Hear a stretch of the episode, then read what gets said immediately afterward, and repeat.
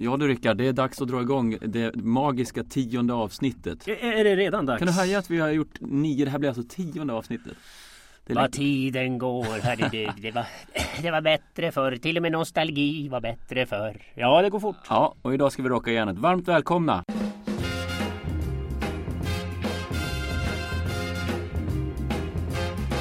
You know I don't mind working and standing on my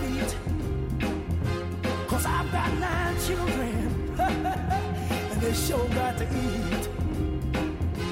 And I don't mind working. Ja, det var signaturen det där. Ja. För tionde gången. Och jag vet ju att du har varit iväg och vi ska prata ganska mycket om, om dig idag. Det kommer bli mycket mm. fokus på dig. Men jag, har du tänkt på det här när man, när man reser? Eh, det har hänt jättemycket på hemmafronten också. Har som vi också ska är kungen och drottningen ihop ja, fortfarande eller? Vi ska snacka om Hänger allt det där. Ja. Men visst är det så här när man har en resa, jag har tänkt på det här. Det är alltid bra att ha en resa på gång. Mm. För först längtar man innan resan. Mm. Och så går man, man går och tänker på hur roligt det ska bli och det mm. blir lättare att klara av sysslorna man har fram till man ska mm. åka. Sen är det ju kul under tiden. Mm. Allt som oftast i alla fall. Man har en trevlig upplevelse och man är med om saker.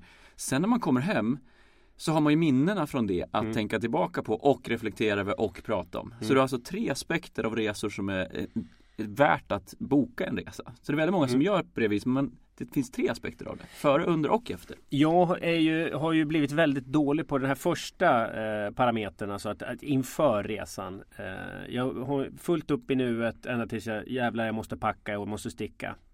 Och det där har jag faktiskt systematiskt eh, försökt råda bot på genom att nu innan Peruresan här, jag har varit tio dagar i Peru. Eh, det var därför podcasten har fått vänta lite grann. Ja, vi kanske ska säga det. Ja, be om ursäkt för det. Eh, men, eh, och då köpte jag böcker om Peru och pluggade lite grann innan också. Så och då, då, blev det lite roligare. Eller mycket hur, roligare. Hur mycket innan så att säga? Pratar vi på flyget? Ja, ja egentligen jag hann inte något mer. Men, men, men ambitionen är i alla fall att ta reda på mer och, och liksom ha lite koll på läget. Så jag, jag, tror inte på det här att driva runt som en vindflöjel och hoppas på att, att de coola grejerna dyker upp. Faktiskt. Men du sa ju efter förra avsnittet så sa du där tusan också jag skulle ha sagt det där om Peru. Jag hade, du hade läst någonting om Peru. Kommer du ihåg det? Mm, just det. Minns du vad det var för någonting? Jag ska se om jag hittar det här. Då. Det här är ju jättebra radio. Mm. Men du, eh, håll på den en liten stund.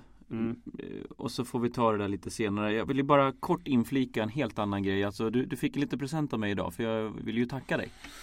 Ja, vi fick har... lite procent kan man ja. säga. Det var, var precis en liten Amarone-flaska. Ja men jag ville att du skulle få den för att du har varit så duktig och ja, ställt upp. Du tyckte det var lite konstigt ord att säga att, jag, att du har ställt upp på den här mm. podcasten. Men jag, jag, känner att jag vill tacka dig. Ja men det var väldigt, väldigt vänligt. Det har inte alls ställt upp. Du har ju ställt upp med allting runt omkring så det var bara att komma hit och prata egentligen. Det var jättesnällt av dig. Det är jag som ska vi... ge present. Nej det tycker jag verkligen inte. får du med att skämmas och må dåligt och vara en sniken och ska du verkligen människa. inte känna. Men det är, eh, det är häftigt att vi har fixat det här. Mm. Tio avsnitt. Mm. Och nu tillbaka rakt in i handlingarna. Du har varit i Peru. Precis. Varför åkte du till Peru? Eh, jag har haft en pojkdröm sedan jag var liten att besöka Machu Picchu. För de som inte känner till det så är det en gammal inkastad som eh, eh tillhör de sju nya underverken. Eh, den var bortglömd. Spanjorerna under conquistadorerna hittade den inte. Pizarro gick bet på den. Eh, och den ligger väldigt väl dold och gömd uppe i Anderna. Och eh, dit åkte jag. Den hittades 1911 så sent mm. faktiskt. Så det, det är väldigt sent. Och den är väldigt väl bevarad.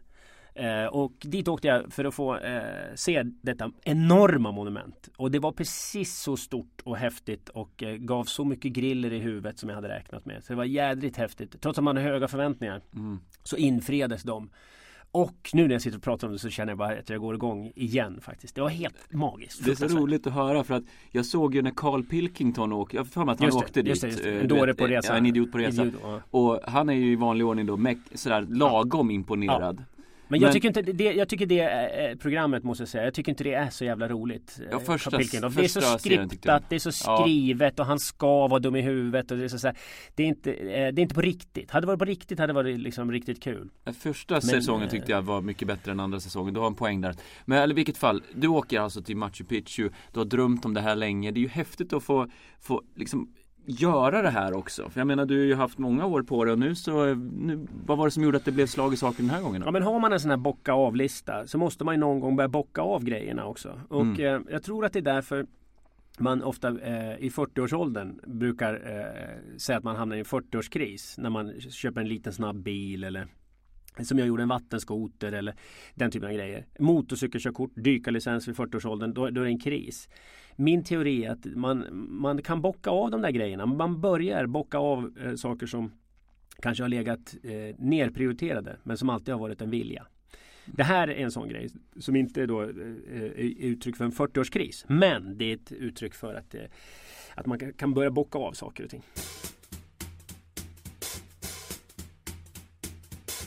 Jag skulle vilja flika in där just när det gäller 40-årskris. Jag tänkte på det här om dagen. Egentligen tror jag att man borde inte behöva hamna i någon livskris av den sorten om man lever utifrån sina egna värderingar. Det vill säga om jag lever på det sättet jag vill leva då hamnar jag antagligen inte i någon kris utan krisen beror väl sannolikt på att det börjar klincha med vad jag egentligen skulle vilja ha gjort med mitt liv. Mm. Och då börjar man göra en massa förändringar som man egentligen kanske borde ha styrts åt för länge sedan. Mm. Uh, Men är det inte därför så många mår så himla dåligt idag? För att diskrepansen mellan vad man vill göra och vad man kan göra är så stor. När jag växte upp så jag tänker på liksom allt man får sig till, nu blir jag sådär, eh, att man får sig till livs från eh, Hollywood och tidningar. Mm. Man öppnar livstidsmagasin. Åh, oh, sånt här hus ska jag mm. ha så här stort och den här soffan. Oj, oj, oj, den kostar 40 000 den här soffan mm. och sängen kostar 100 och mm. allt man vill ha. Och så här snygg ska man se ut och sådär.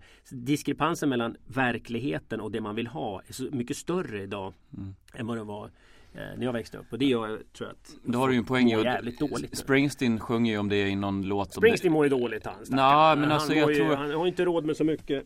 Jag är det inte... Med tröjan. Ja. Är det inte i The River han sjunger Is a dream a lie if it can't come true? If it don't come true, it can't come ja. true. Det är ganska sant. Alltså är det, är det värt att hålla på och drömma om saker om det inte ska eh, förverkligas, om det inte kan förverkligas? Kanske ännu värre då. Kanske är bättre att jag umgås med andra som heller inte har eh, så höga ambitioner. Kan man tycka, nu spelar jag lite djävulens advokat. Ja, jag, jag, allting är inte så himla svart och vitt. Jag har stått på min lilla veranda och drömt i 13 år. Och eh, placerat dit pooler som har varit Infinity-pooler. Jag har, jag har gjort den här tomten, du vet, som jag kommer aldrig ha råd med det. Där du bor nu? Ja, jag kommer aldrig ha råd med att göra den tomten eh, så som jag har stått och drömt om hela tiden. Och, du, låt oss återkomma till den tomten för att vi såg ju, det var ju med på tv häromdagen. Oh, vi, fan, vi ska ju ja, prata om det lite senare ja, ja, ja, ja, ja, Så tillbaka, vi, vi håller den tanken om men, tomten. Men, mm. men att, att stå och drömma har också ett väldigt stort värde. Mm. Och jag tror ju att ingen bor tryggare än den som bor i ett luftslott.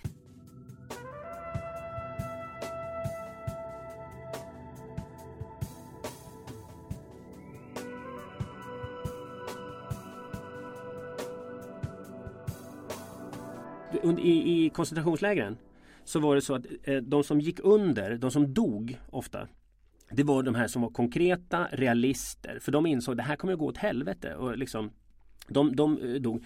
De som klarade sig väldigt bra i koncentrationslägren det var liksom humanisterna, konstnärer och den typen av människor. För, för de, de, hade förmåga att fantisera bort och drömma sig bort till en annan verklighet. Så ja. att, att, drömma har ett väldigt stort livsvärde. Och åtminstone kunde det nog bidra till en, en eh, bättre gnista, så att säga, livsgnista. Men det finns ju studier på det här att optimister eh, har ju en tendens att, eller människor som mår bra har ofta en tendens att göra orealistiska analyser av framtiden. Oj, det låter ju som... ja. och, och det jag visste inte att jag mådde bra. Nej, men det finns tre, tre sådana där kännetecken som är ganska, alla tre ganska komiska sådär. Mm. Men samtidigt så de, de har väldigt eh, annorlunda självbild också. Mm. Man ser att man tycker att man ska klara av saker som man egentligen andra inte tycker att de mm. klarar av. Men ur ett hälsoperspektiv kan det vara ganska bra. Mm. Så att eh, visst... Jag läste nu också, apropå självbilder, så läste jag att man upplever sig själv fem gånger snyggare än vad man egentligen är när man tittar sig själv i spegeln. Det, oh. Ja, det, visst är det jobbigt? Är det före eller efter den Amaronen? ja, ja, nej men det, ja, med alkohol i kroppen så är man ju, då är man ju ändå säkert tio, då ökas den här. Men. Varför ser ofta människor snyggare ut när de jobbar, de, är, när de är bakom baren så att säga och jobbar än när de är bredvid dig? Ja. Eller hur? Varför är det så? Gissa. Är det, är det här att man, man ser att någon är i sin yrkesroll, att det finns någonting attraktivt Nej men i ofta, de som står bakom De som står bakom bardisken De har ju ansiktsmusklerna kvar De som står bredvid dig De har ju slappnat av helt De har ju liksom ser ut som boxrar i ansiktet Jag och Adam eh, sågs ju på P.A. Company häromdagen mm. och då skickade jag ett mess till dig Kan du berätta lite kort vad du, vad du fick för sms? Ja det kom ett sms från Olof där det står Sitter bredvid Mauro på P.A. Company Vad ska jag göra? Och jag skickade blixtsnabbt tillbaks Ingenting Rör ingenting men du hade ett hjärta med i det sms? Ja men bara så att du inte, så att du inte skulle uppfatta Jag kör ju med smileys då för, att, ja. för att eh, jag tycker det, det Annars så kan det uppfattas som hårt Många tycker att smileys är lite töntigt och fånigt och Nej men det är bra för det förtydligar tycker jag Jag tycker också, nyansera lite Ja Tillbaka till Peru, jag vill veta mer. Ska man åka dit? Vad tycker du? Ja, det ska man göra.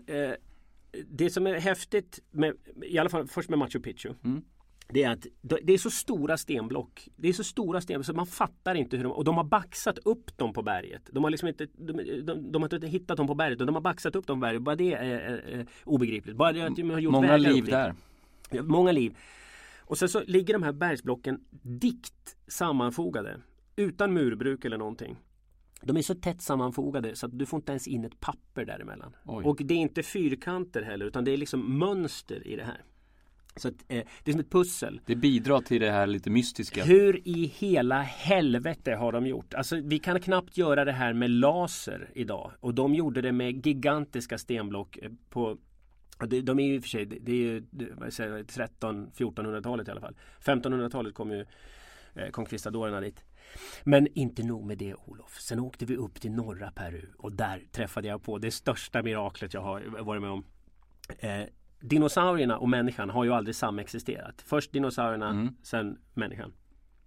Hur kan det komma sig att på flera av varandra oberoende ställen i Sydamerika finns det eh, grottmålningar med dinosaurier. Långa halsar, långa svansar. De här växtätande, sauropods tror jag de heter. Eh, växtätande eh, finns avmålade på olika ställen. Och det finns också målningar med eh, människor som, som har spjut i handen och eh, en sauropod som har någon människa i munnen också. Så. Om vi inte har samexisterat, hur kan man då ha målat av de här?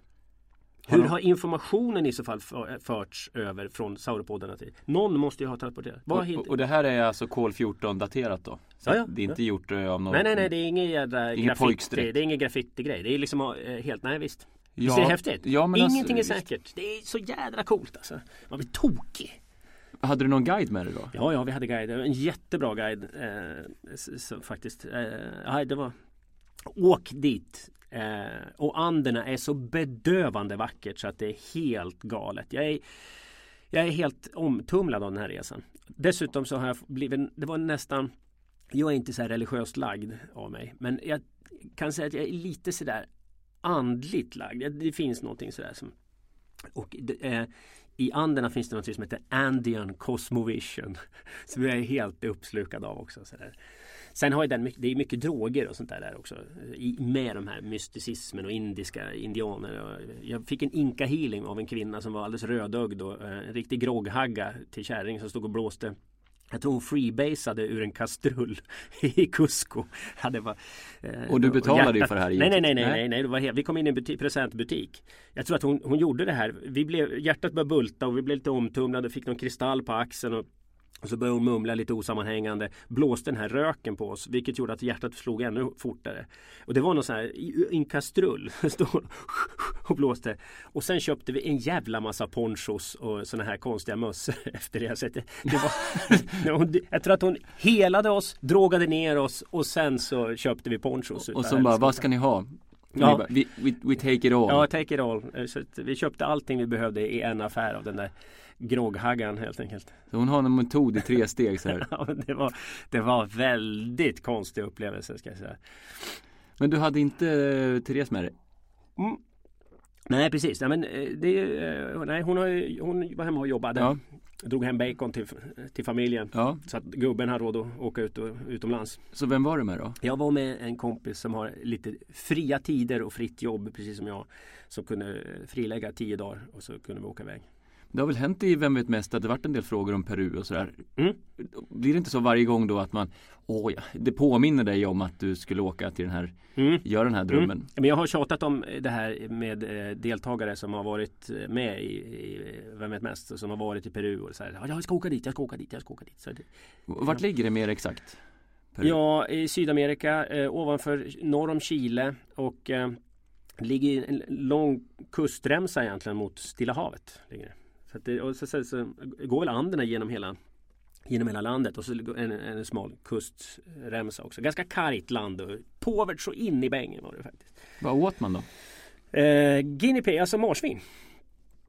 Eh, Där dog var, den ja. Det var, eh, eh vi var lite så nyfikna, får man dem på en pinne? Ja men jag med... såg någon tweet om ja, det där. Precis. Och jag trodde det var och, ett skämt. Nej nej nej, vi käkade, vi käkade marsvin och eh, eh, Tydligen så sa de också uppe i norr att man kunde få med tänderna kvar liksom, Så man kunde ha en sån ryggkliare Jag tittar på Adam här nu, han bara skakar på När man hade ätit färdigt eh, nej, men jag käkade, vi, vi, var inne i ett hus och där eh, Där hade de alltså Ja, jag ljuger inte om jag säger 70-80 marsvin på golvet bara så sprang omkring i, på stengolvet.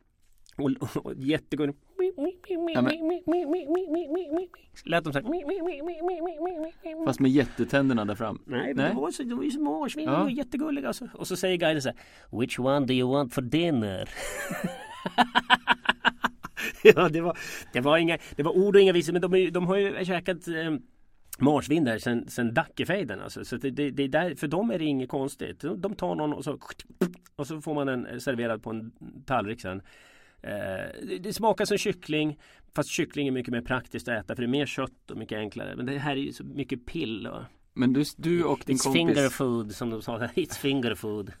så du och din kompis sitter där i den här stugan. Ja. Det är fullt med marsvin på golvet. Mm. En av de här marsvinen ligger på ja. köksbordet. Mm. Och där som ni sitter och, och drar i er då. Nej, vårat marsvin det kom från ett annat hem. Aha. ja, men vad, är man when in Rome då mm. måste man ju göra så as the Romans do. Så man måste ju bocka av de där grejerna. Eh, och marsvin var en sån grej man har ju sett i de här reseprogrammen att det är ju ofta sådär att någon ska testa någonting som ja. Men det är ju egentligen Fast jag kunde inte, jag kunde inte äta upp min ska jag säga. Det låter så himla rått där När den där kom in Och man ser att det är ett litet marsvin och man har hört de här Tidigare på dagen så, så känner man de här min granne hemma, de, deras barn har ju två marsvin som vi ibland är, får mata när de är borta och sådär. Så, så, så, så, ja, ligger en sån här på tallriken? Ja. Så det, ja men du kan ju inte säga att den kommer inte in hel antar jag. Utan... Den friterad var den. den var liksom, så det, det, eh, men det var, man såg liksom konturerna av att det, var, att det var en, ett marsvin, ett litet så. Vad fick man till då? Ja, sallad och ris.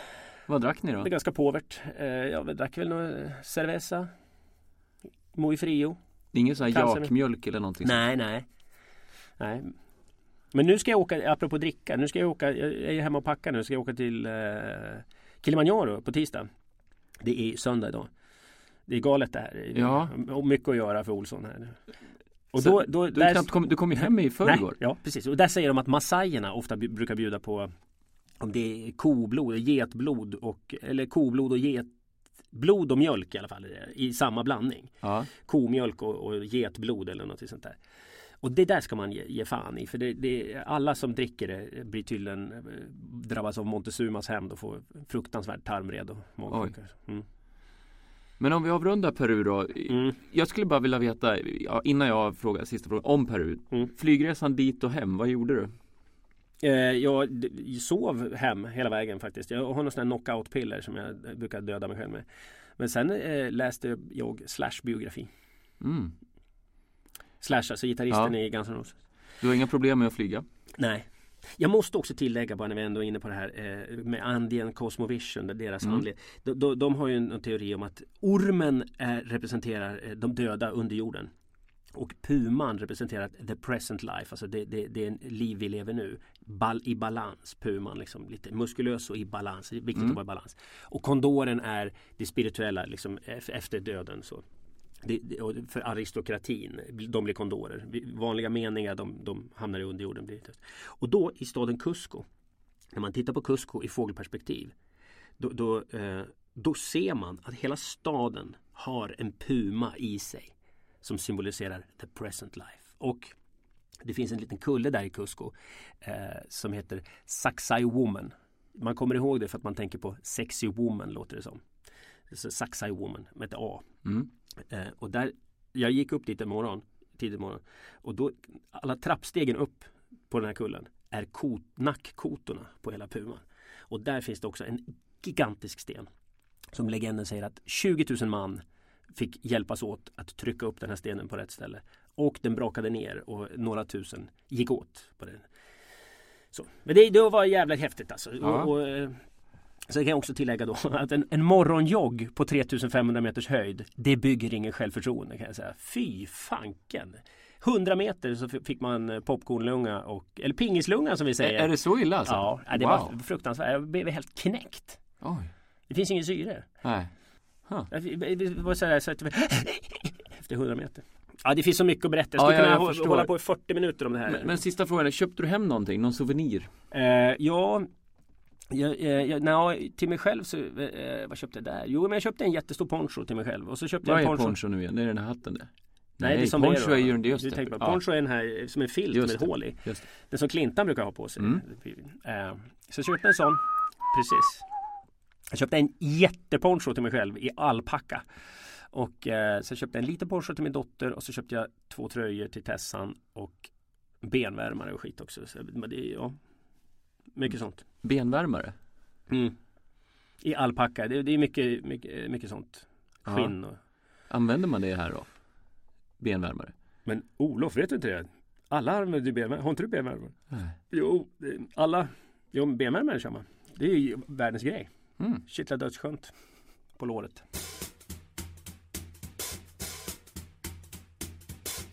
Vet du vad? Mm. Eh, när vi var ute senast, kommer ihåg sista program, program 9 avslutade vi med att nu ska ja. vi gå till P.O. Company mm. och sådär va. Och efter när vi skulle precis gå hem där så berättade du en, en väldigt rolig historia. Och nu får du välja själv om du var beredd att berätta den igen. Men jag tyckte den var, den var lite fascinerande. Jaha. Nu är vi från ena till andra här var. Men du berättade att du hade varit på Yasuragi. Och jag var nämligen på Yasuragi häromdagen mm. och lät såna småfiskar äta på fötterna. Mm. Det är coolt by the way, mm. om du inte har testat. Ja just det, har de det på Yasuragi nu? Ja. Mm. Eh, klockan fyra ska mm. man eh, börja öppna dem för då är eh, fiskarna som hungrigast. Mm. Du sa att du hade varit på Yasuragi och där hade du eh, stött på eh, en legendarisk, ja, ja. Vill du berätta den historien? Ja, det kan jag Jag tyckte det var fantastiskt. Vi, vi, eh, jag har träffat Persbrandt en gång tidigare men då var det var väldigt hastigt. På någon filminspelning. Eh, jag skulle vara med i någon, eh, ah, det var någon TV4 deckargrej och jag skulle vara programledare i 20 sekunder. Eller sånt där. Så han tog med sitt enorma handslag. Så jag tror inte han tittade med ögonen. Så bara, tjena, tjena. Eh, och då, sen så eh, träffade jag honom på eh, Hasselud. Normalt eh, eh med, som en här eh, folk som befinner sig i offentligheten så har man lite koll på varandra sådär ofta. Eh, så man brukar hitta ögonkontakt och så nickar man liksom om man kanske inte har träffat. Ja. Och då var vi ensamma i omklädningsrummet han och jag. Eh, på Yasuraget. Jag låg i den här lilla poolen och han stod och duschade och Och Yasuragi är den här japanska spat. Ja precis, ute i Hasseludden i Nacka. Och han stod och tvålade in sin eh, manliga eh, kropp. Han är ju ståtlig som en grekisk Extra vältränad nu Ja men det här var innan. Eh, så, och han är ju väldigt mycket större, stor helt enkelt. Så att eh, huvudet nästan slog i duschkranen där uppe.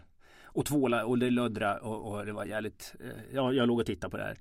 Men vi, han tog inte in mig. Han, han, han, agerade, vi båda agerade som om vi var ensamma i, i, i omklädningsrummet. Men sen, det lustiga sen var att han sköljde av sin kropp, torkade den och sen när han gick då, för då lämnar man ju handduken på plats i någon liten bytta där. Någon korg helt enkelt.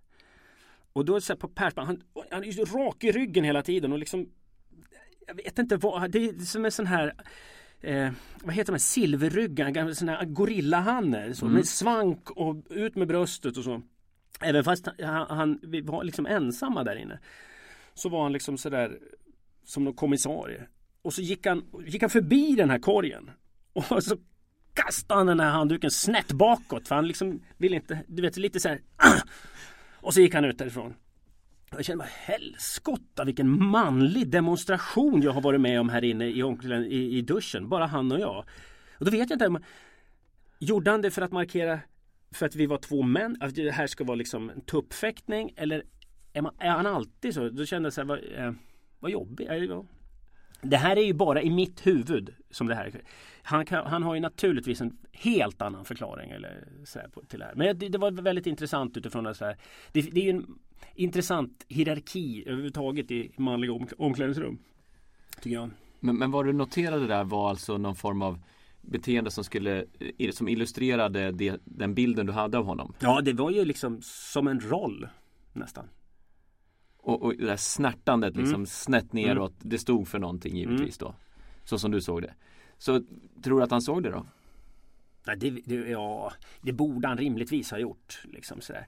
Men det är också sådär eh, Jag tror att det kan vara väldigt jobbigt att vara eh, Persbrandt också.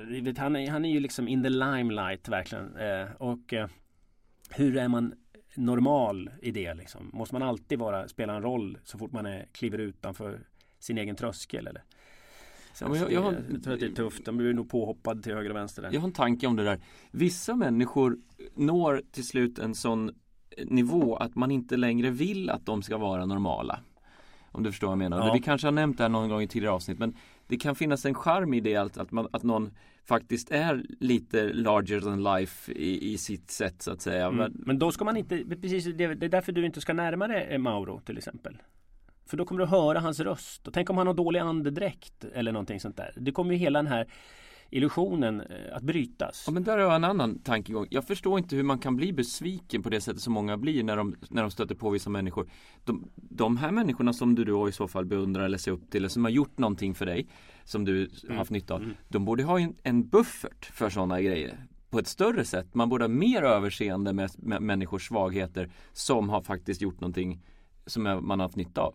Istället har man en lägre toleransnivå. Mm. De här människorna har mycket mindre utrymme att, att eh, få vara, eh, ha lite svagheter. Det borde vara tvärtom.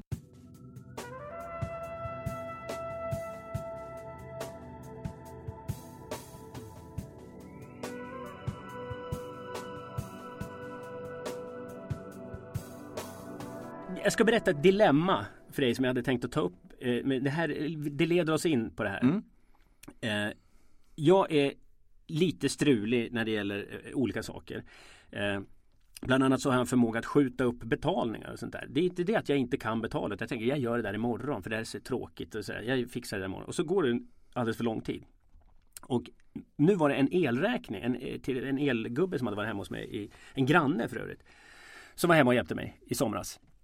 Och då tyckte jag att jag hade fått den här räkningen Eh, eller fakturan och betala. var så osedvanligt duktig för jag ville liksom, det här är en granne, det här är tjock och fixa. Eh, så helt plötsligt kommer det en påminnelse eh, från eh, den, samma företag. Och då står det, då har, liksom, på påminnelsen så är det handskrivet så här. Man ska göra rätt för sig. Det går an att se mallig ut i tv. Men nu, det, alltså, betala, och jag bara fick så här, Helskotta! Kolla, fan, då hade jag inte betalat den där. Jag trodde det. Vilket talande exempel du eh, hittar nu. Och då, då, kände jag så här, shit, han har skri- handskrivit det. Det går an att se mallig ut i tv, men man ska göra rätt för sig. Shit, uppfattar han mig som att att jag ser mallig ut i tv. Vad, vad, vad, vad, är det här för någonting? Jo men det betyder att du har alltså mindre utrymme att vara sen med en räkning. Ja. För att du syns i tv. Men då smsade jag, för jag tittade vem som hade skrivit det här. Då var det inte grannen, utan det var grannens partner, företagspartner, businesspartner, som hade skrivit det här. Så då smsade jag båda två och skrev, jag betalar pengar, jag trodde att jag hade, förlåt, förlåt. Om jag uppfattas som mallig så är det verkligen inte min avsikt. Eller så jag la mig platt eh, och blottade strupen helt enkelt. Och, och, och, liksom, och skrev, jag trodde verkligen att jag hade betalat. Och tänkte att att jag skulle få någonting tillbaks då. Sådär, att, Oj, nej, eller sådär. Eller kanske från grannen. Som för jag, jag skrev också så här att hoppas jag inte har förstört någonting för grannsämjan här nu och jag vill verkligen inte. Och, mm. Om jag uppfattas som, hoppas inte att det övriga grannskapet uppfattar mig som mallig heller. Väldigt så här mm. humble, humble. Precis som Slash skulle ha gjort i dokumentären. Ja, eller i biografin. Ja, eller? Not. not. Uh, uh, jag har inte fått någonting tillbaks. Du kan tänka dig, tänk dig de satt tyst. där i fikarummet och bara spydde galla över varenda dag som gick när mm. inte mm. Ja, den mallige jobbat... programledaren Precis. inte betalade. Manlige, mallige, mallgrodan också. Ja. Jag tror att det där är en liten, om jag får eh, gissa, det är lite en akilleshäl för dig där. I och med att du är så allt annat än det. Alla som känner dig vet att det där är ju så lite du som det bara kan bli. Att då få höra det, det motsvarar ju Jag kan tänka mig att det är ungefär som jag mådde jag... dåligt i tre dagar av det där jävla ja, påhoppet. Men egentligen borde det ta mindre på dig där eftersom du är allt annat än det där. Hade du känt att jag kan vara det av och till. Att det, liksom tar lite för att du vet att det stämmer lite. Då hade det varit jobbigare. Här begriper inte jag hur du kan bli irriterad. Snarare skulle i så fall att du blir störd av att du slarvar. Det kan mm. du väl säga att det är en lärdom. Men att de anser att du är mallig, det, har de ju, det är bara ett bevis på att de inte vet vem du är. Att de inte känner dig på riktigt. Jo, men det är också samtidigt som jag blir jag blir ju ledsen över sånt där. Eh, faktiskt på riktigt. Men vänta nu, nu jag tar in det. På P.O. Company där, men, det, ja, nu bara inflika så att du förstår att du är, du, du är så, det är absolut inte du. Nej, nej, nej, men ändå så vill man inte att folk ska på P.O. Company baren, det var en kille som ville snacka med dig, snacka hockey med dig och jävligt. Jag, jag har aldrig ja. sett någon som är så approachable, om man får ta ett engelskt Aha, uttryck. Ja, du vet, du, du gör ju inte skillnad på någon. Ja, du, du är absolut inte mallig. Jag fattar inte hur han kan säga så. Då är det men ju, han vet ju. Men, stå för något annat. Men det intressanta är vad som händer hos mig. Och att man tar in det hela och, eh, och blir ledsen. Men under den där ledsen, eller nästan jag har fullt sjå att kompensera de här två känslorna. Jag har ju en aggressivitet också mot den här. Jag skulle kunna skicka ett sms eller ringa upp och säga din jävla ditt jävla pölstryne. Vem tror du att du är? Så jävla ouppfostrat. Att skicka, så jävla oprofessionellt av en firma att skicka till en annan firma.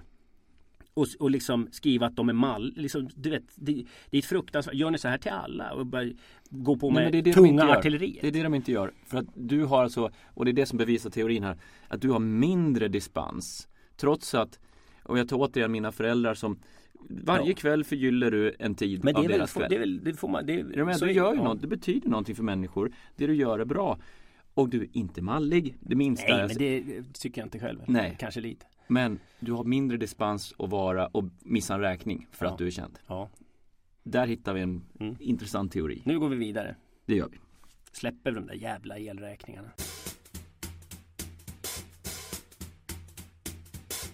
Jag har eh, Jag var i Finland i torsdags mm. och gjorde ett jobb för uh, Nykarleby 10 000 mm. invånare. Så kommer jag till Vasa med flyget och det är kunden som har bokat det här flyget. Då får jag träffa en kille som heter Anders mm. som pratar ny, eh, finlandssvenska. Mm. Du vet hela kusten, ostkusten är ju det är oerhört många, jag tror 6% mm. av befolkningen pratar ju alltså företrädesvis svenska. Mm. Du tittar på svensk TV också? Oh ja. Ringer till Bingolotto bland annat. Ja. Mm. De har ju stenkoll på dig bland annat. Ja. Och eh, då skulle jag hålla det här föredraget och det visar sig när jag landar då så är det 45 minuter kvar till jag ska stå på scenen på, i Nykarleby och mellan Vasa och Nykarleby är det en timmes resa. Oj då. Och sen är det då halt på vägarna, det börjar snöa och sådär. Fick en vallning där då? Och, och, det här har inte jag någonstans begripit då hur tajt det här var. Mm. Utan i och med att arrangören hade ordnat resan så trodde jag någonstans att det här är ju koll på mm, läget. Mm.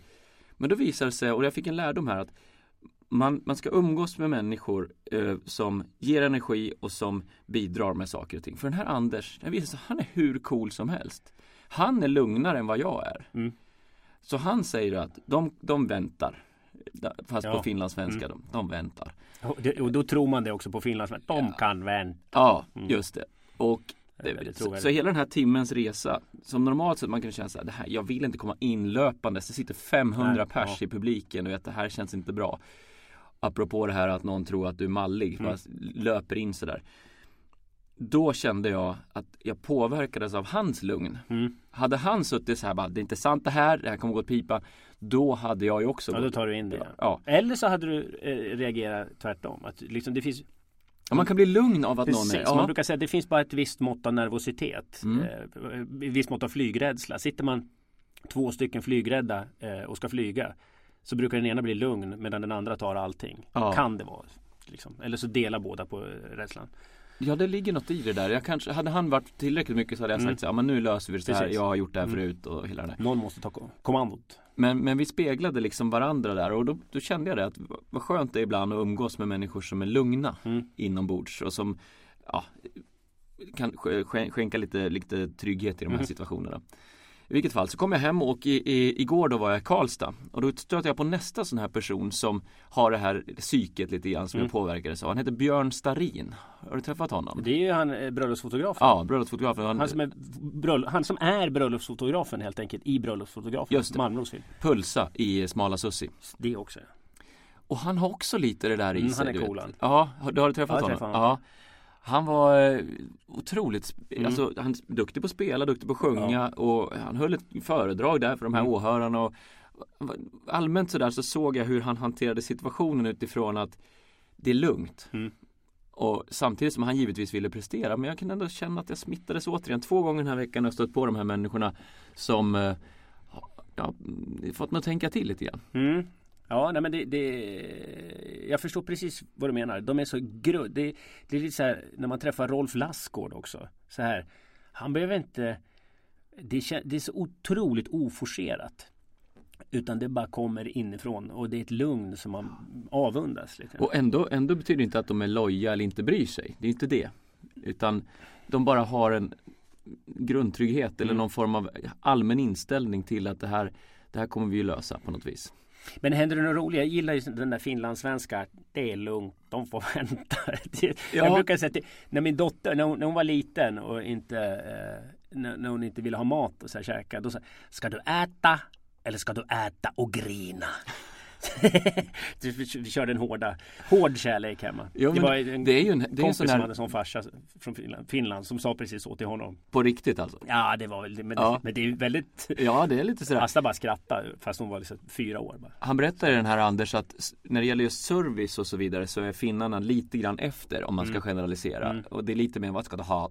Och så kommer jag ju till hotellet i Vasa. Mm jag har blivit behandlad som en kung den här. Lokal-tv var där i, på Nykarleby och man kände mm. sig väldigt väl mottagen och fick skjuts till och från Vasa. Men så kom jag in på hotellet i Vasa, Cantarelli. och ska checka in där och då frågar jag, jag brukar fråga det. Eh, finns Hotell det... Cantarell helt enkelt. Ja. Det är ett barnprogram på Barnkanalen. Är det? Ja. Finns det badkar? frågar jag. Mm. Vi har inte badkar hemma i vår lägenhet mm. så jag brukar fråga det ibland om det finns. Och då hon bara Va? Jag bara, ja. ja finns det badkar? Och så börjar jag visa så här, du vet, ja. signa, kroppsspråk eller vad som är någon form av mm. halvbanan så här. Har ni badkar? Nej. Ja, vi har ju jacuzzi givetvis, men inget badkar. Då hade de en jacuzzi på hotellrummet på plus, plus bastu.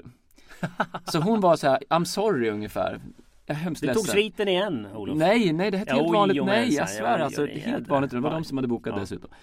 Men just att hon kunde inte begripa Nej. Badkar, vadå? Ja vi har ju givetvis jacuzzi och bastu Precis Det säger ju sig själv Ska du ha badkar också? vet du, det värsta en finne kan eh, Alltså sämst när det gäller för finnar Det är ju att gå in först i en bast, sist i en bastu och först ut mm. Då är det liksom bara de andra bara Ja, det är jädra macho. Jag har fått för mig det att det är väldigt mycket macho och pittmätning i, i Finland. Men jag vet att jag kan ha fel. Verkligen. Ja, nu är det ju återigen en generalisering. Det var ja. otroligt trevligt i alla fall. alla generaliseringar är av ondo. Och då menar jag precis alla generaliseringar, Olof. Oh, det, jag håller alla, med dig. Alla, även den här generaliseringen. Att alla generaliseringar är av ondo. Så att när du säger att alla generaliseringar är av ondo så har du generaliserat? Exakt. Och då är det också av ondo. Nej, det, jag fattar inte. Nu, nu trillar jag nästan av stolen här. Så det blir för mycket. Men det var värre förra avsnittet för då pratade du om eh, fysik. Mm. Och då höll jag på att trilla av pinn. Kvantfysik.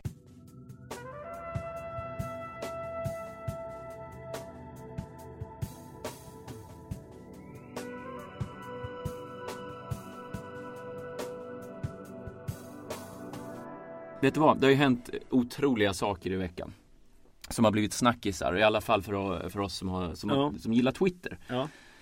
Så hann det inte gå många minuter eh, förrän det, det började dyka upp hashtags. Tihigate. Tihigate. Ja just det, jag såg det. Ska vi, vi, bara spel, vi spelar upp en kortis för er som har missat, eh, det, det kanske man inte har missat, men vi spelar upp en liten kortis från Youtube bara. Tihi, tihi, tihi. Och just Madeleines tihi. Mm. För det första så tänker jag så här, vem säger tihi nu för tiden? Är det för att, hon, att han inte pratar svenska som hon säger tihi? Alltså mm. överhuvudtaget just tihi, alltså tihi, alltså mm. hade hihi hade väl varit i så fall, det hade varit illa det också kanske, eller diskuterat, men mm. tihi, alltså, när t där. jag tror att det är ett uttryck för att det här är så himla manusbundet och så strikt. Jag har sett lite grann bara och det, ser, det är ju det ja, skämskudde på så det står härliga till redan från början. Eh, och, och, och, när de de har säkert gjort ett antal omtagningar och det har inte suttit. Och så, när, hennes tihi är ett uttryck för att Åh, vi klarar det. Tihi. Alltså det, det, det, det, är inte, det är det enda som inte står i manus. Och så har så sitter de i någon sån här konselj heter det va? Nästan, ja, det vet jag, men eh, något möte där med, med Ternert tror jag han heter, eh, presschefen där. Så ska vi ha, ska vi, ska vi, ska vi ha med till hi? Ska vi inte ha med till hi? Ska vi ha med till Ja, nej men det kanske... Oh, och så tycker de så här. Ja men det här, det är personligt. Det här tihi, det är liksom, mm, det, det, är så kärleksfullt och personligt.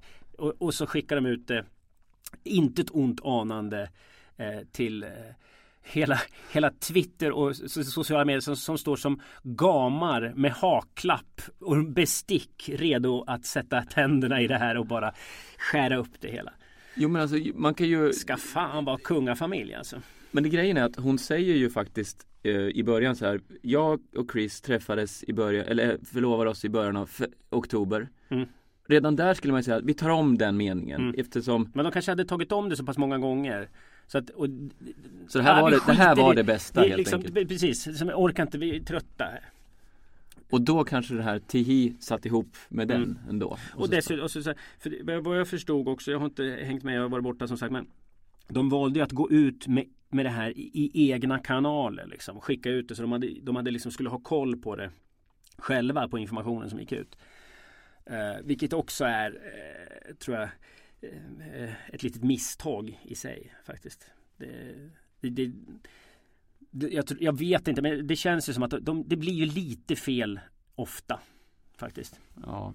Och jag, jag, jag, jag såg... Det, det, är fel eh, det, det, är andra människor som håller, har hand om kommunikationen som kommer från andra planeter än men blir man inte lite kluven när man ser att och, pöbeln som ska ta emot det? Å ena sidan så känner man att man vill inte att det ska gå för långt för att mm. det trots, trots allt finns det finns något jobbigt när folk ger sig på det för hårt någon, när någon eh, mm. gör någon sån här grej då. Å andra sidan så kan man tycka att det finns vissa saker med, ur en rent komisk synvinkel som mm. gör att det känns berättigat. Emanuel Karlsten, följer du honom mm. på Twitter? Han, mm. han la ut ganska roliga... Jag såg det. Honom jag läste igenom det. Ja. Och eh, som sagt, så länge det hålls på rätt nivå så tycker jag det kan finnas Men är det inte så här, i och med att det är en sån enormt gammalmodig institution, det här med mm. hovet så möter de en modern verklighet. Vilket mm. gör att de, de automatiskt blir driftkuckus. För de måste anpassa sig till sin gamla historia. Och för, för att vara hov överhuvudtaget. För att ha ett existensberättigande. Och så möter de en verklighet som har susat förbi generationer. Jättesvårt att få ihop de här mm. grejerna. Det, jag, jag, läste en intressant eh, eh, artikel i eh, Kvällesarna här i helgen. Som, som, gick ut på att den här Chris O'Neill, han, hans familj är ju stenrika. De är så mhm. jävla rika så att det svartnar. Nästan. Är de britter eller? Ja, amerikanare va? Han, han pratar ju, det låter som han pratar ja, brittiska men de bor ju i New York. Men de är täta ja. så in i helskotta. Och den här typen av liksom, eh, eh, rika människor eh, vill väldigt gärna sponsra sådana här kulturevenemang i Salzburg som de åker på och tittar på opera, alltså de värsta operadiverna i hela världen. Liksom. Och det betalar de här. Man köper sig kult, eh, eh europeisk kultur mer eller mindre med sina pengar från USA. Så att den som gör en, den, den bästa affären här egentligen är eh, Madeleine. För hon gifter sig rikt. Han gifter, kungafamiljen är inte liksom rika på det sättet.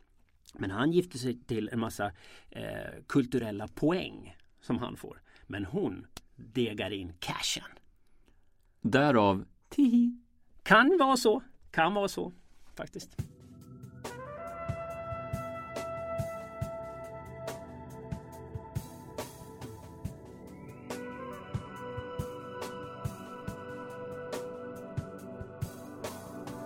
Lundell har ju gått ut i tidningen här och han var i en stor intervju i fredags i Expressen där han var förbannad och hans senaste platta heter ju Rent förbannat. Mm. Alltså han är arg på grejer. Arg men inte bitter.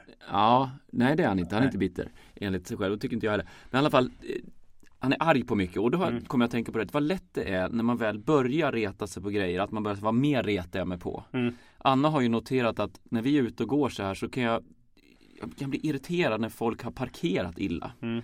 När de, inte, de står för nära ett övergångsställe till exempel. Jag bara, det är 10 meter eller 9 meter. Det, wow, jag ser att det här inte är det. Mm. Eller när någon har liksom dubbelparkerat ställt sig utanför. Alltså när någon har skaffat, de har skaffat sig en egen fördel som en konsekvens av det så får alla andra anpassa sig eller få nackdel av det. Det är mm. då jag blir irriterad. Alltså, mm. det är en sak om det här stör ingen annan heller. Men när man då skaffar åt sig en för, roffar åt sig någonting som en konsekvens av det får alla andra problem. Mm. Då, då går han kring och retar mig på det. Och det har jag märkt att eh, vi börjar garva åt det här. Lill-Lennart kallar hon mig då. Alltså min pappa heter Lennart. Ja, ja, ja. När man går omkring och hytter så här, mm. och ska parkera, lär dig parkera ungefär. Man mm. säger ju ingenting. Men, eh, och då, då eh, var det en grej till jag skulle berätta där. Ja, ja Friends Arena. Mm. Då var det också sådär att jag var på väg, för jag hörde att det var dåligt med parkeringsplatser där. Mm. De hade ju invigning nu. Och då kände jag, nu, har, nej, men nu börjar jag så här, vad mer går jag och retar mig på? Och då fick jag stoppa där. Visst, visst är det lätt ibland när man Det finns ju alltid något att störa sig på. Mm. Och det är så onödigt. Om man inte är beredd att göra någonting åt det. Varför gå där och, och, och muttra? Som ja, Lundell gör till exempel. Ja, jag har ju faktiskt all, jag har haft problem med att störa mig på saker och ting i, genom livet. Jag tycker, ja, nej, men det är väl okej. Jo, men de, de kanske har ställt sig sådär dubbelparkerat bara för att han skulle väl in. Det var väl av, han var nödd och tvungen helt enkelt att göra så. Det är inte för att vinna någon fördel. Han var tvungen. Det var bråttom. Och, och de andra får nu svänga ut och så Ja, då, vad är faran med det? Liksom, det är inte så himla hemskt. Men jag har märkt att ju äldre jag har blivit desto mer intolerant har jag också blivit. För, och det, det tror jag baserar sig på att när jag var liten, då trodde jag att när man blir vuxen då, blir man, då är man klar. Det, här, det, det var ju liksom lite sådär, ja men det här förstår du när du blir gammal. Eller när du blir vuxen, då kommer du att förstå det. Så det, då var det ett, ett stadium som man skulle komma upp till och då förstod man och då var, man bra. Då blev man upplyst. Liksom. Precis. Liksom. Ja. Det var bara det. att Det är den största livslögnen jag har eh, faktiskt eh, upplevt i mitt liv. Att när man kom upp och blev så, så kallad vuxen så är det samma idioter från sandlådan som också är, de är lika gamla och lika dum i huvudet helt enkelt. Ja. Så att det, där, det, det, bara pågår hela livet. Det finns alltid och, och, och, och ju äldre jag har blivit desto mer intolerant har blivit mot den där typen av eh, när det, sådana här små grejer. Det, det är framförallt det. Eh. Jo men det är det och när man då Jag menar jag kom in härom, härom kvällen och så klev jag, jag liksom snubblade över en sko som stod mitt framme och jag skulle precis säga, Anna kan du ta bort skorna? Så säger jag, det är min sko. Mm. Då blir det ju lite heureka. Att mm. Det är självklart så att man själv gör ju prylar också. Som givetvis får konsekvenser. Igår, höll jag, igår, blev jag, igår blev jag knuffad av en gubbe. Mm. Jag kom in på 7-Eleven efter träningen så hade jag mina gympaskor under armen. Mm. Och så skulle jag bara inhandla en liter mjölk och på 7-Eleven. Och så betalade jag. På vägen ut så kommer en, en, en man och så bara du tror det luktar att stå med den där eller? Mm. Och jag hinner liksom inte fatta det här och sen bara knuffar han till mig sådär På vägen ut Aha. Och så stängs dörren Och sen så ses vi inte mer Fan vad modigt han hade kunnat knuffa till fel person och fått en dagsedel så han hade jula in i nästa vecka. Men det här gjorde han inte. Men just det, att, rätt kille. Det, det, hade ju inte jag retat mig på, Nej. givetvis. Men han retade sig så till den milda grad mm. att han var tvungen att gå till, till fysisk Ja du vet, han kunde inte ta det här va? Men jag har, jag har skrivit en krönika om det här faktiskt. Eh, och då det, har, det, finns forskning som har bedrivits på sura gamla kärringar och sura gamla gubbar. Att de är smartare än snälla gamla kärringar och snälla gamla gubbar. För, eh, det finns ju någonting, man, man, måste hela tiden aktivera hjärnan och huvudet. Och det, de här sura, sura människorna, de aktiverar hela tiden. Jävla fan, det ska parkeras jävla nio meter i helvetes jävla. Så de håller hjärnan i trim mycket mer ja, än de här mjölkaktiga som går omkring med simmiga ögon och bara Ja, nej men eh, jag ska snart dö. Ja, det, det, har alltid varit kul det här som har varit. De lever, det är redan över. Sådär. Mm. Det är mycket, mycket roligare med de här Jävla fan i helvetes jävlarna Ja men det finns något charmigt där Jag älskar det, jag, jag, jag håller med, med Hellre att någon bryr sig ja. än när man blir likgiltig ja. Min morfar var alltid sådär Holger han, Ända fram till hans död var han snus och så han var Han hade mm. otroligt kunnat Han blev förbannad ja. när inte snusen När det inte fanns tillräckligt När inte Lass hade köpt ordentligt med snus Det skulle vara en hel del stock Det ska finnas på lagret Och det är, jag gick och log åt det här väldigt ofta. Vad skönt att han inte, att det fortfarande spelar roll. Ja, men jag, jag det var en sån där gubbe som när jag var hemsamarit. Han mm. var ju så jädra, han var riktigt elak och jävlig. Eh, och, eh, ja, det fanns, det fanns, en annan också som jag ska berätta om. Men han, det var han som in, fick mig att inse att det här kan jag inte hålla på med. Jag jobbar som hemsamarit. För han var så jävla elak. Eh, så det var, de satt och käkade. Vilka är de? Ja, alla pensionärer. Ja. Eh, så hade jag kört ner dem med rullstolar och allting. Så, här, så satt, de, satt de och käkade. Och glappa med, med tänderna och sådär. Och så, så, så, så jag ska gå på toaletten. Och körde jag in honom på toaletten sådär. Och så stod jag utanför och väntade. Så jag, Kom hit och torka mig! Skrek han då. Ja, fick jag komma dit. Och så när jag står då han hade liksom lyft upp skjortan och han sitter med byxorna ner vid fotknölarna. Och så har jag papper i handen och så börjar jag torka honom. För han var för svag och darrig för att kunna göra det. Så börjar jag torka honom. Då säger han så här. Klia mig på ryggen! och jag står med högerhanden och drar upp och ner i skärten på honom. Och säger ja, men nu får du vänta faktiskt tills jag har torkat det klart. Klia mig på ryggen! Säger han då. Och riktigt jävla arg. Och då känner jag, ja, så med vänsterhanden drar jag upp och ner på ryggen och med högerhanden upp och ner i stjärten och torkar honom samtidigt. Jag tänker, det här kanske man inte ska hålla på med hela livet. Det, nu måste jag skaffa mig en utbildning och gå vidare. Det var liksom droppen eh, som fick bägaren att rinna över helt enkelt. Jag fick en lidnersk knäpp i det ögonblicket.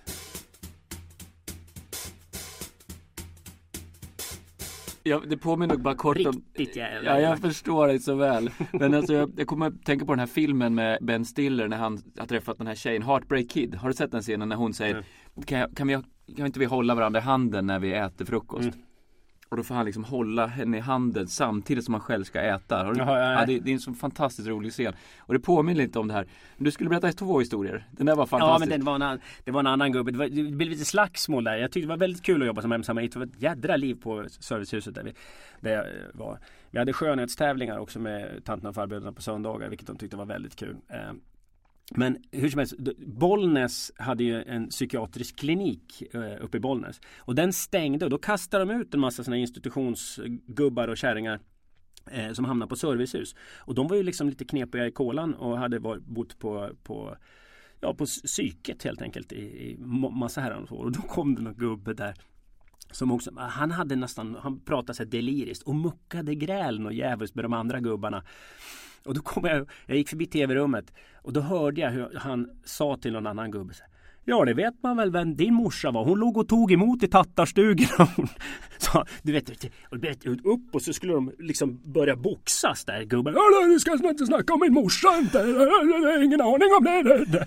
Och, vet, och det står två stycken gubbar och med och det löddrar kring löständerna liksom och ska slåss och man bara, nej men hörni. Du fick gå in liksom och ja, medla här. Men jag kommer aldrig glömma den men det vet man väl, hon låg och tog emot i tattarstugorna.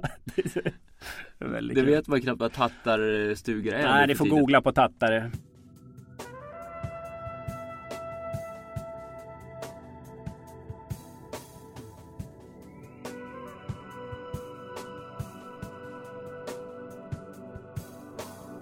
Jag tänkte på dig i måndags. När ja. du var i Peru så var, var jag en kompis på Brunnsgatan på en teater. Teater Brunnsgatan tror jag det heter faktiskt. Brunstgatan 4 kanske? Nej, ja Brunnsgatan 4. Mm. Ja, inte Brunstgatan. Nej jag vet, men kollar ah. ni på Ola Lindholm? Ja. ja, och han har ju någonting som heter Riktig Talkshow. Så mm. han har bjudit in Torsten Flink mm. jäkligt bra. Mm. Och då tänkte jag bara, du skulle ju ha suttit där där Ola sitter utifrån att är inte det det ungefär du skulle vilja göra också? Jo, jättegärna. jättegärna. Ola har ju gjort det där. Ola gjorde, har gjort det länge. Han gjorde det på Mosebacke förut också. Jaha. Jättebra. Och sen så blev det tv-program en säsong. Och Ola hade en jättestor dröm och önskan att det där skulle fortsätta. Eh, men eh, ja, ibland är det så. Det är som, jag, jag hade en dröm om att det här Olssons studio som jag gjorde också skulle fortsätta. Men icke!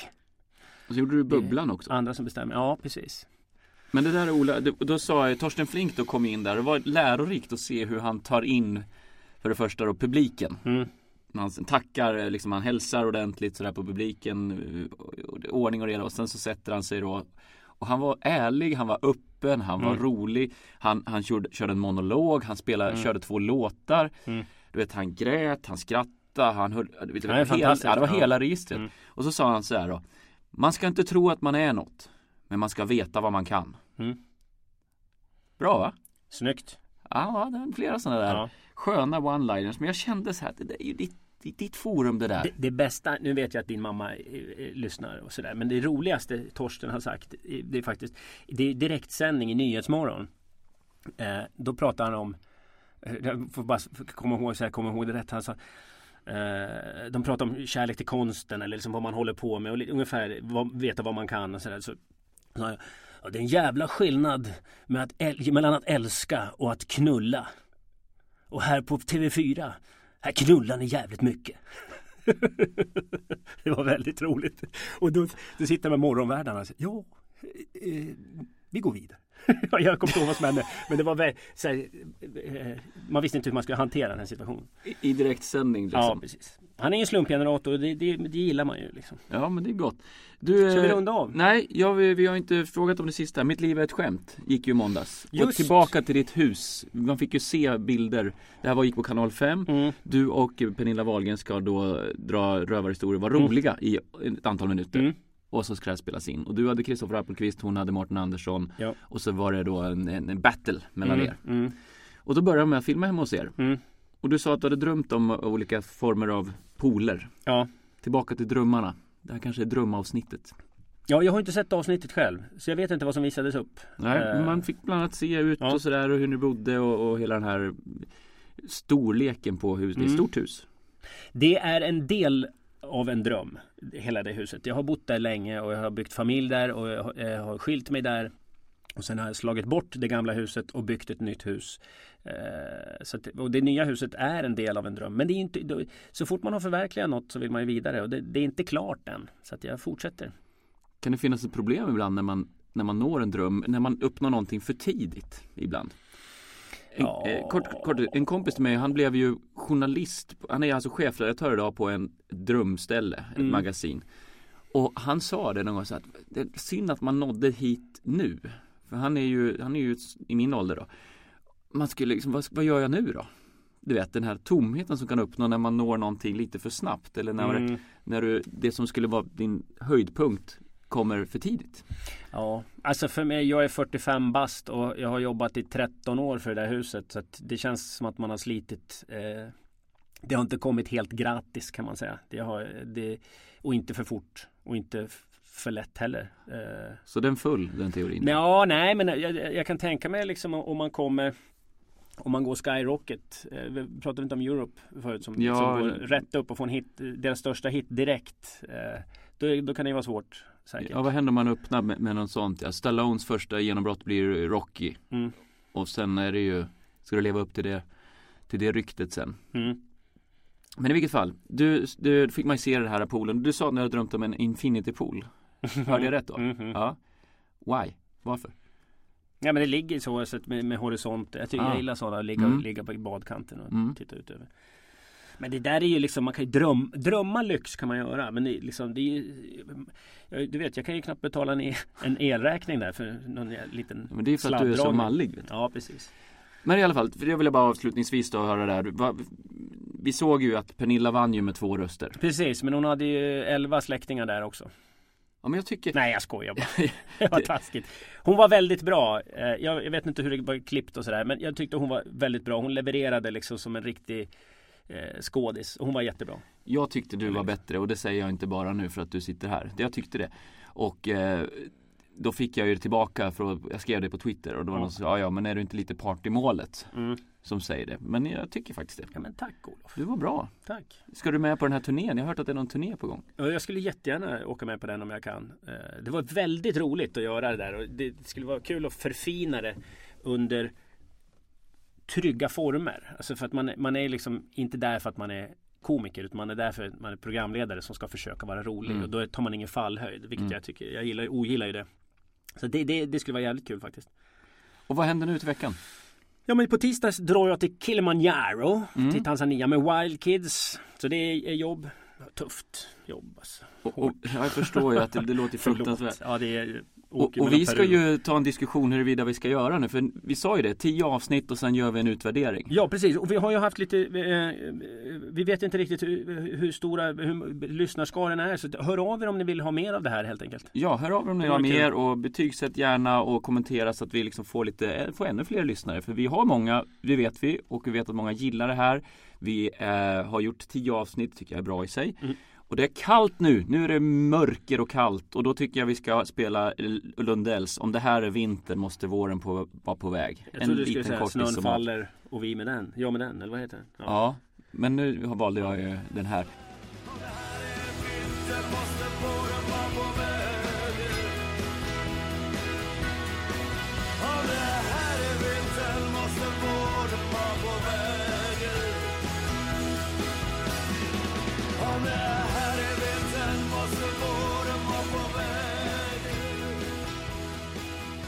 Har, har, eh, ska, vi, ska vi säga det att vi tackar alla som har varit med i de här tio avsnitten och sen ska vi göra en utvärdering och så ser vi vad, vart det här leder till.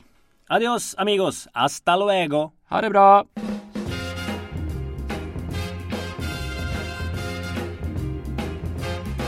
You know I don't mind working and standing on my feet Cause I've got nine children they sure got to eat.